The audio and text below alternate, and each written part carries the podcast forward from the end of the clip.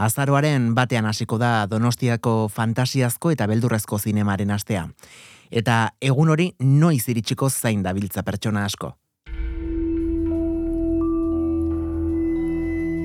Eta horietakoak dira zuzen Kresala Zineklubeko lagunak.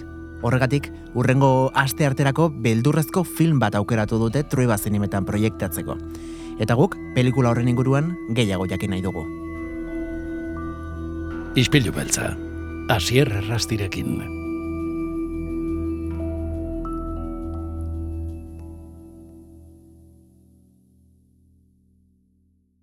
Janet Diaz, ongiet horre gure ispilura. Kaixo, asier, kaixo entzule, mi esker. Ze, zer ondo zaude Janet, aspaldiko? Ba, bai, azken, eh, egon ginen azken eguna, zinemaldi garaia izan eta bai, bai deixente pasara handikan. Bai. Baina, bueno, hemen gaude berriz. Azkeneko egunetan ez gen hemen koinziditu, ez dakit eh, zer modu zamaitu zenuten, e, zinemaldia, zer nolako, bueno, ba, hau zaporearekin geratu zinen? Ba, ni ondo. Ni ikusi dut e, durana e, gustatu zizain egia da beti bezala ba, zerbait egon dela horrez, hainbeste zaidana gustatu, baina bueno, gustora amaitu genuen, gaina denok elkartuta amaitu genuen zinemalia ah, zerbait bai. hartzen, hasi que primeran. Ze polita, giro, giro ederra dokazue, kresala zineklubian. Ba, eta, ba, eta imaginatzen dut, e, bueno, ba, azkenean zinemaldiare badela berezia, ez da zuentzat, e, ba, datorren mm, donostiako fantasiazko eta beldurrezko zinemaren astea, e, berezia den bezala. Bai, gaina e, ba, aurten bai, beste urte beste urteetan bezala, ba, kolaborazio ingo dugu, eta bueno, horretarako nago hemen.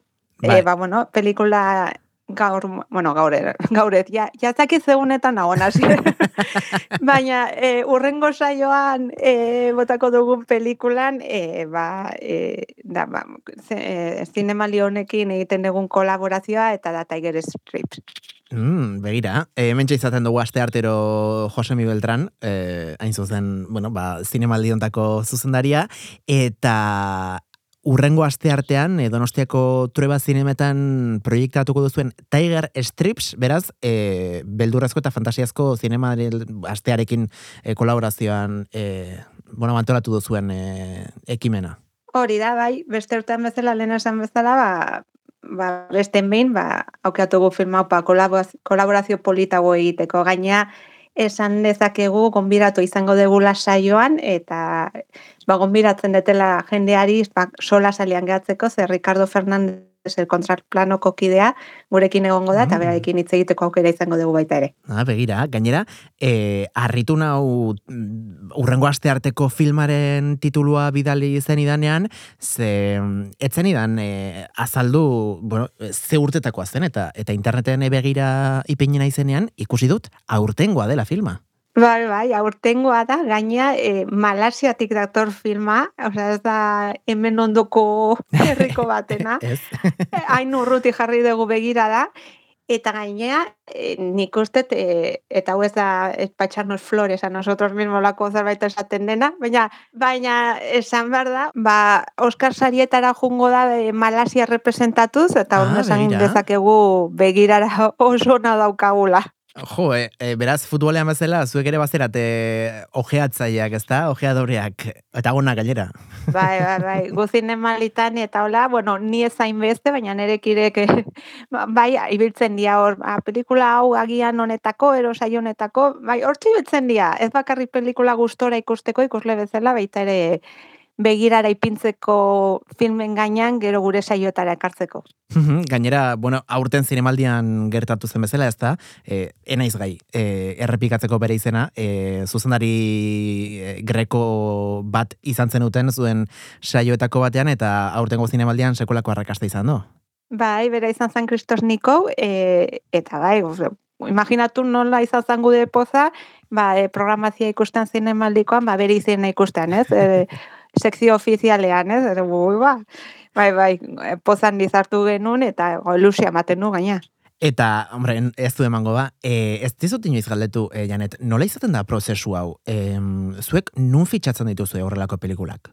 Ba, e, ba zinemalitan ikusten eguna begiratzen dugu eta baloratzen dugu, beste batzutan be, leku desberdinetatik izten zaigu proposamenak, ero agian ba igual e, ba ezakizu zendari bat hilda, ero gai baten inguruan itzin nahi dugu, ba juten hor begiratzen e, zehazki pelikula bat norke nori eskatu, hor e, prozesua lora, ez? Iristen zaigun materialakin denok ikusten dugu erosaiatzen ikusten, eta horrekin ba gero bileratxo txiki baten ertzen garenean ba hor aukeratzen ditugu ja gure programaziora joten dianak. E, imaginatzen dute zineman adituak diren entzulek jakingo dutela, baina beste askok ni bezala e, ziur aski ez. Ze formatutan iristen zaizkizue fi, e, filmak, e, Janet? Ba, iristen dira DCP ditzen dan formatuan, mm -hmm. ba, e, pixkate irei egiteko dia e, disko gogorrak. Bai. Imaginat, ba, disko gogor batean sartuta pelikula ah, iristen dira. Osea, fizikoki iristen zaizkizue. Hori da, bai uste batzutan bai enlace batetik iristen diela Pedro, que esplikatu ezake hobeto nigo, etorti deskargatzen da, baina ni askotan Pedro ikustet e, alako disko gogor batekin, eta hori da DCP.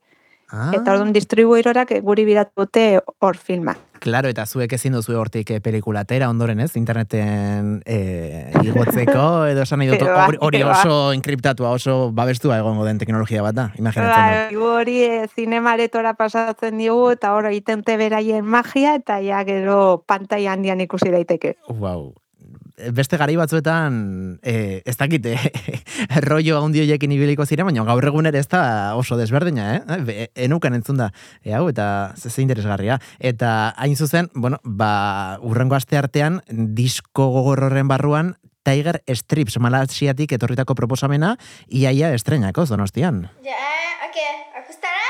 1, 2, 3, 4. 1, 2, 3, 4.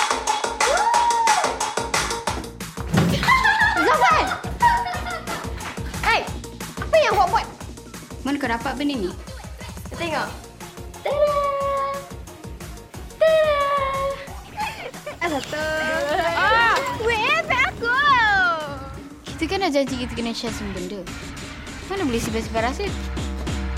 Mak! Semua orang dah tahu kot. Satu sekolah kecoh kau datang period.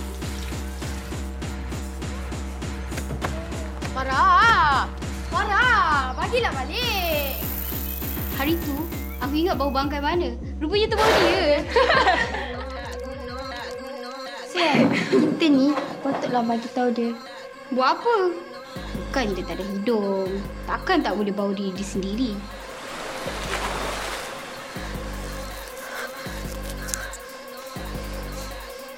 Aku benci dia orang. Jangan kata Cikgu Azizah pun kena sekali siapa lagi lima orang yang kena rasa tu? Anas dengan kelas ke atas dah kena kunci. Benda tu ada lagi ke dalam tu.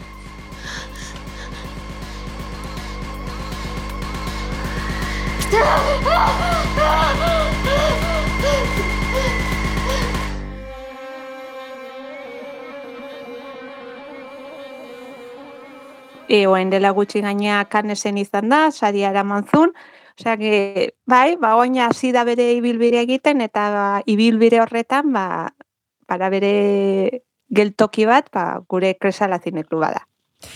Iriakurri dute Film Affinity, ni MBDen eta horrelako web espezializatuetan, genero moduan, e, ipintzen dut danetan drama, eta ere bai, nera bezaroa. Mm, nera bai. bezaroa, gai bezala hartuta, ala nera behi zuzendutako filma delako. Nik uste gai bezala hartua, zegia da protagonistan, bueno, eta bere inguruko lagunak nera bezaroan dauden, e, eta oso gazteak dira, eta bai lantzen dan gaia, bai neraben e, inguruko gaia dela, ez? Nola ba, eneskek iristen da momentu bat, ba, erregela gesten zaiola, egorputza aldatzen hasten dela, orduan bai, gai bezala hartuko nuke nik behintzat. Eta kasunetan protagonista mabi urtetxo besterik ez dituen zafan izena duen aurra. Bai, e, aurra mabi urtekoa, baina ikusiko dute etortzen dien ikusleak e, nola amaituko duen amabi urteko neska ze oso neska alaia eta lagunekin hori ikusiko dugu, baina Bueno, eh, izango ditu bere momento potenteak, hasier. Kostatzen ari zaizu pixka bat e, e, azaltzea, eh, narratiboki ziren inkuran Bai, spoilerrik zait, egin bai. gabe. Hori da. Bai, kostatzen ze gaina pelikula honekin gehiago ze zerbait esaten badet, seguro kriston spoilera botatzen detela. Eta ez espo, oso spoilerra botatzen, gehiago, kado, etortzen nienean aretora, ja, spoilerra eginda dago, eta ja, ez dago sorpresarik. Filma ez da berezeki luzea, laurogeita amabos minutu dauzka, e, zer ritmo du e, obra honek? E, niretzako, e, ez da oso motela, baina nik uste dut ikusleak ez daude hainbeste ohituta e, pelikulak duen erritmora. Ez da frantsesek ematen dioten erritmoa bere filmei, baina bai ez da ere pako, ego korean ematen dien er- erritmo ligeroa, ez? Edo erritmo Mhm. bizia. Baina hor hor tartean dabil, ez? E, gaina ez da e, produkzio handi bat, ez da hainbesteko presupuestoa, pelikula txiki bat da, gaina esan behar da e, e, zinemagilaren e, Amanda Nelun zuzendariaren lehenabiziko filma dela, orduan, ba, bueno, bere pixkanaka pixkanako doa historia kontatzen da, nola ba, e, protagonistak ba, ikusten nuen, nola da bere, e, bere gorputza aldatzen dela, eta nola da ba, bere inguruan nola e, Ba, bueno, gauz horiek eh, eragiten dute, zedan lehenabiziko neska behin inguruan, ba, hori ez, menstruazioa gesten zaiola eta aldaketak horiek ditunak. Eta hortaz, imaginatzen dute, bueno, ba, aktoreak ere gazteak direla, eta besteak beste irakurri ditudan kritiken artean, e, The Guardianeko kritikak aipatzen du, bereziki, ba, miresgarria dela, e, casting gazte batek e, osatutako filma dela, eta aktore gazte horiek e, sekulako talentua dutela. Ez dakiz zuri horrek atentzio deitu dizun, edo? Bai, neri bai, gaina protagonistak e, neri gehien e, erakarri zian e, aktorea izan zen. Gaina esan behar da, oain dela gutxi, e, zitxet e, jaialdian, saria eraman, eraman zula bera. Bueno, Ah, bai, saria berak. especial. E, hori da, bai. Mhm. Orduan netzako horrek askok esaten niri lehenu esan bezala gehien erakarri zian protagonista eta pertsonaia izan zen. Orduan e, nik uste jendeari asko harrapatuko dion e, aktoresa dela eta ikusiko dugu aber zei egiten nun. Aurretik e, imaginatzen dut etzela famatua izango, ez? E, aktore malasiarra hau.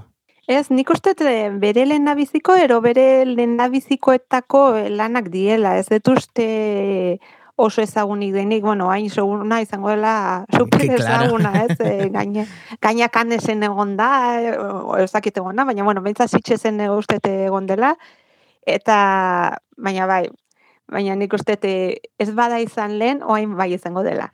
Izan daiteke agian e, Malasiako Sofia Otero berria?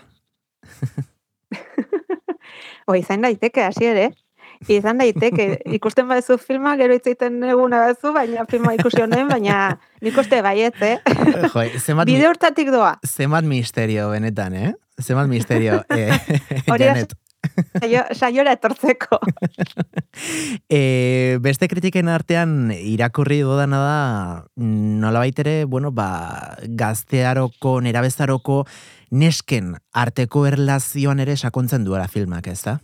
Ba, izuzendagia gainak esaten du, askotan ba, e, pelikuletan ikusten dugu ba, nesken arteko, ba, lagunen arteko ba, erlazio sonak, politak, eta baina, karo, nesken artean eta emakumen artean askotan ez dira hain politak, ez, erlazioak, beti dago zerbait hor, eta hori ere islatzen du, egia da, e, gaina gai hauekin, ez, e, lehenabiziko bataldean dagoen lehenabiziko neska gesten zaiola erreola, ba, ba ez da gauza bak eh, pase desapercibido eta ya está. Hmm. Ba, egarria da, eta gaina amabi urteko neskekin ez dakitela hori zer dan, eta zerbait arraroa gertatzen zaiola begorputzan, ba, imaginatu ez. Eta horti gaina, irazten bariozu, ba, e, ba, zinema, belurrezko eta fantasiasko zineman e, ipini degula saio hau, nik uste, imaginatu ezak ez detela ikuslek nolazko bire hartuko du. Claro, era bat aztu zait, e, zera, e, fantasiazko eta beldurazko zinemaren astearekin kolaborazioan e, antolatu duzuela astearteko proiektzioa. Mm, azkenean, gaia behintzat kontatu diguzuna, oso beldurgarria, beldurgarria ez delako ez. Azkenean emakume guztiek bizitzen duzuen errealitate baten ingurukoa delako ustez guk dakigun erarte film hau, baina argi dago misterioz e, beterik dagoela. Urrengo aste artean e, gogoratu iguzu, e, non eta zein ordutan, ikusela izango dugu kasunetan Tiger Strips. Baz, e, trueba zinematan egongo gea, edenon e, zain, zazpiter hasiko da filma, eta saio horretan gaina Ricardo Fernández e, egongo da gurekin, el kontraplanoko kidea, eta gonbidatzen dut e, denok etortzea eta baita ere gero sola saldian gelitzea. Jo, ba, Janet Diaz, e, milen milioi esker, gaurko, gaurko nere gure gana gerturatzeagatik, e, aste buru izan, eta ea, e, urrengo aste artean, bueno, ba, jendez betetzen dituzuen e, trebako zinemak. Hori espero dugu. Besarka da bat, agur, Janet. Agur.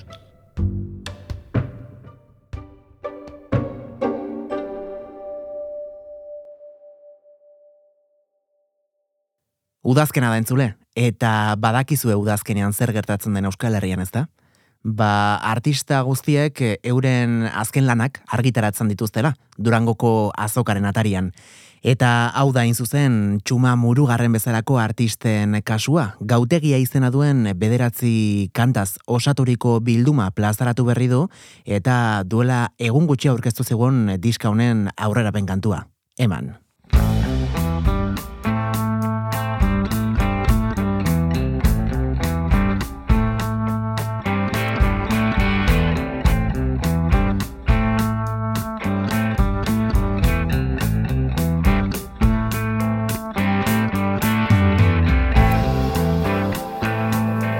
Zuretzat egin dudan lorategi ontan Esertzen tamesten duzu. Ez dut inoiz utziko maite zingo nuke eraman. Abandonatua ikustea Lorategi hau da gure txia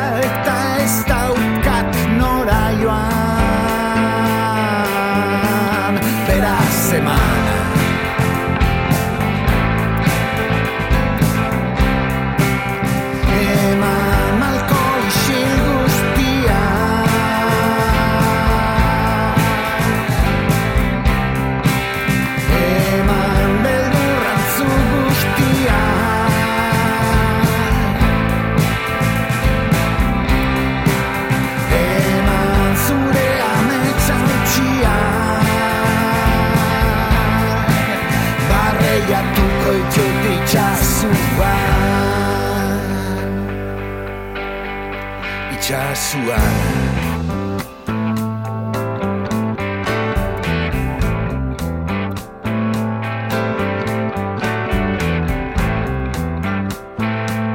Geranioak zure leio egian Krabelin gorri eta liliak. Lore arruntak tira baina zure argia dute behar Dar-dar zauden maitia. Ni ere dar-dar batian. Zinez ez dakit ze gehiago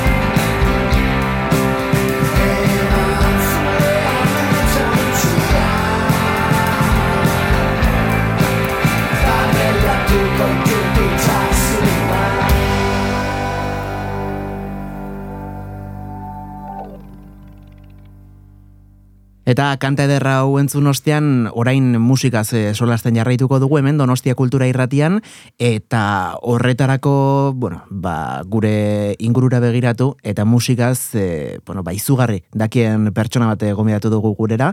Askotan, izaten dena gurekin, Jon Gartzia, ongi etorri? Eskerrik asko, bueno, izugarri, igual pasaintzea pixate, eh? Ez zaizu gustatzen musika? Gustatu bai, baina, bueno, izugarri jakin hori ja... Bueno, nik uste asko dakizula, bueno, ez? bueno, zoze bai. Zoze, Fasa modestia. Eh, Ez, ez, ez. Friki, frikia gea, beste gabe.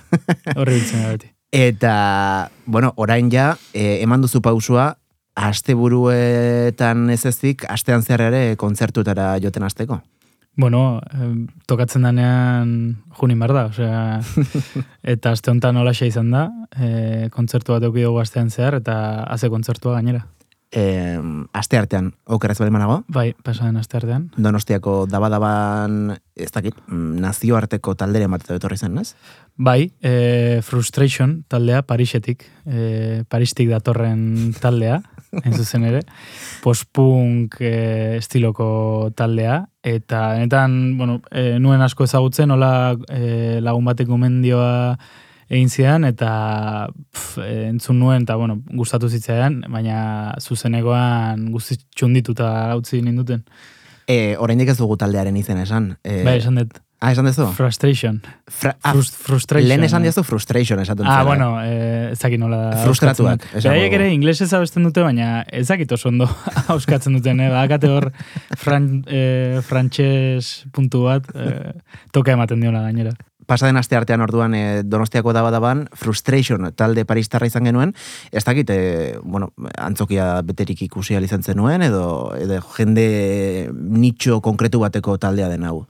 Bueno, aste artea izan da, bakizu, ba, zaiago izaten da, eta are gehiago Bartzenora edo Madrilera juten bazera, bueno, aste arte baten e, uki dezakezu soldaut bat, baina donosti izan da ba, etzegoen beteta, baina hala ere aste artea izateko, bueno, nik ikusi izan dut beste egun batzutan, asteburutan edo ostegun batean utxago, eta bai, badaukate beraien e, publikoa, eh? Eta, bueno, e, teleoneroak ere ez ditugu aipatu, baina Charlie User y los ejemplares bilbotarrak izan ziren, eta, bueno, Mhm. bat zeuden nola ere e, fan baten bat, eta, bai, bai, gerturatu zen jendea. Genero berdinen mugitzen dira, e, teloneroak ere. Bueno, biak, eh, bai, biak post-punk inguruan, e, ez dira, hola, guztiz estilo berdinekoak, baina, bueno, bai, e, gutxi gora bera, bai. Beste egun batean jon hitz egingo dugu luz eta zabal e, generoaz bere horretan, baina gaur e, pare bat esalditan, bi zertzela datan, mm, nola e, definituko zenuke postpunka? Zer da postpunka?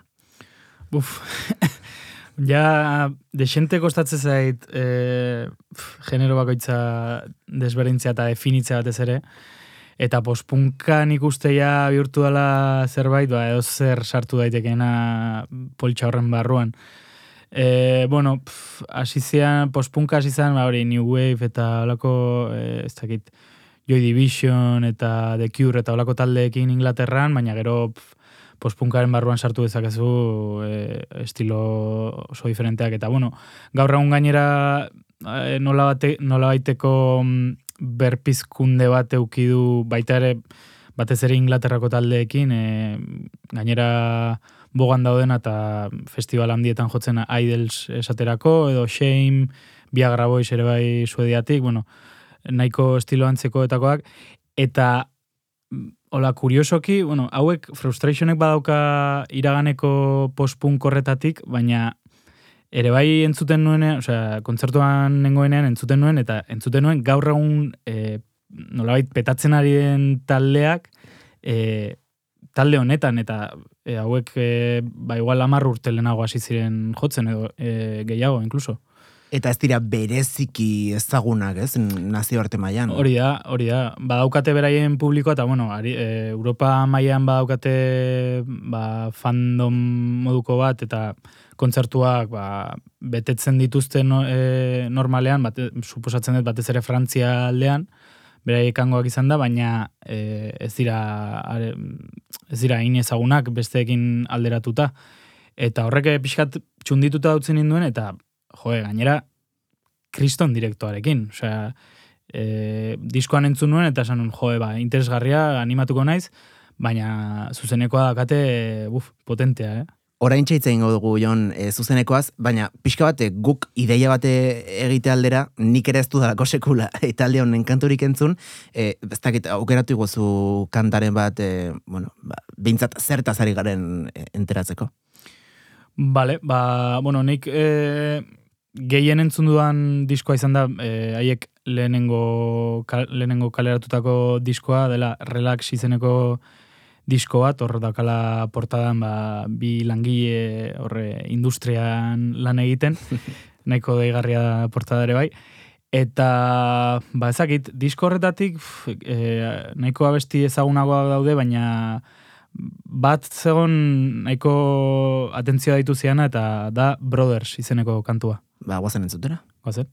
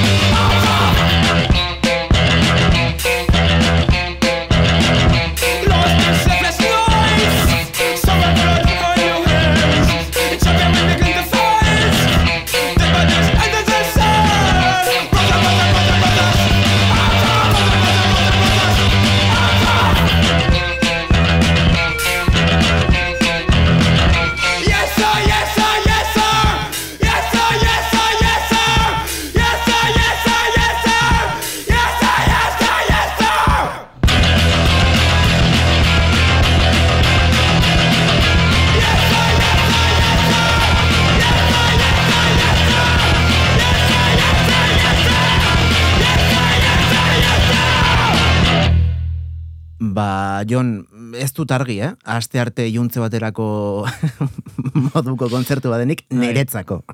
Bueno, iuna behintzat bada, hori, hori argi bai, dudari gabe. Areta gehiago junduko zuen oraindik da bada, ba, ez? Bai, bai, bai. Fuau. Eh, ez dakit, konta igoz duzu zenekoan, bueno, mm, asteko zenbat eh, kide dira? Ba, jo, pentsatu behar dut, eh? E, dago abeslaria, gitarra, basua, bateria eta sinteak jotzen ditun bat, e, hau da, bost, bostkide. Eta bai, e, direkto potentea, e, pf, ez dakit, e, ni txundituta utzen ninduen mintzat. Gainera, eh, aipatu duzu pertsona bat, sintetizadorean eh, bazegoela, badu desente elektronikatik, eh?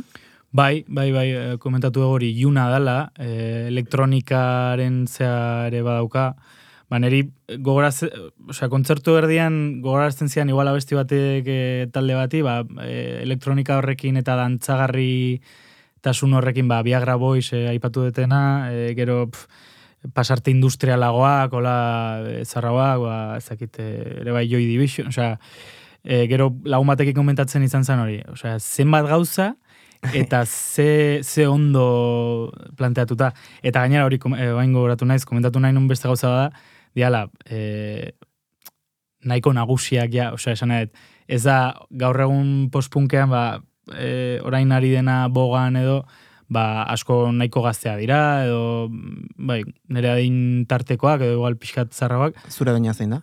Bueno, ez dut esango hemen, ez? Hogeita mar baino gutxiago. Bai, Hor txautzeko bai, dago. hori da. Vale. Eta... Adintarte horretan ibiltzen da... Bai, bueno, a ber, denetari dago, eh? baina, eta hauek ziren, ba, Pariseko, eh, bueno, osea, jendea ja heldua. A ber zer esaten Bai, duzuen, bai, eh? Jendea heldua, eta inungo garrantzirik eman gabe beraien buru, osea, e, irudi aldetik ere gustatu zitzaidan. Ze gainera gero, hori, atera ginen kontzertutik, eta hor zegoen e, baxu bere amplia kargatzen, bera bakar bakarrik, hola, Ezakit, osea... Apurtzaia ere bazen Bai, etze- irudi hori, ez? Etzekan hola e, pretensio faltsurik edo... Handitasun hori... Ez, eta, joe, gaina nabaitzen da, e, kasu horietan, esan duguna, ez, dauka, ez dauzkate inbeste zale eta bar, baina e, nik uste egiten dutela, benetan gustatzen zaielako eta eta bizi dutelako. Edo behintzat sensazio hori eman zian, bai. Ba, benga jon, e, aukeratu beste kantu bat eta kantu horrekin agur esango diegu gure entzulei. Bale, ba, aukeratuko dut, eta berrutzi pentsatzen. Ba, gaurko tartea ekarri duzu oso prestatuta, jon, bai, eh? beti bezala. Bai, dena gidoi batean txokon txokon. Venga, e, entzungo dugu No Travel izeneko abestia, eta horrekin ba, agur-agur esango dugu. Hori da, asteburu on jon, eta Berdin. asteburu honen entzule. Astelenean itzuliko gara goizeko seiretan podcast plataformetan, eta goizeko zortziretatik aurrera Donostia Kultura Irratian. Ordura arte, txintxoak izan. Agor. Agur-agur. As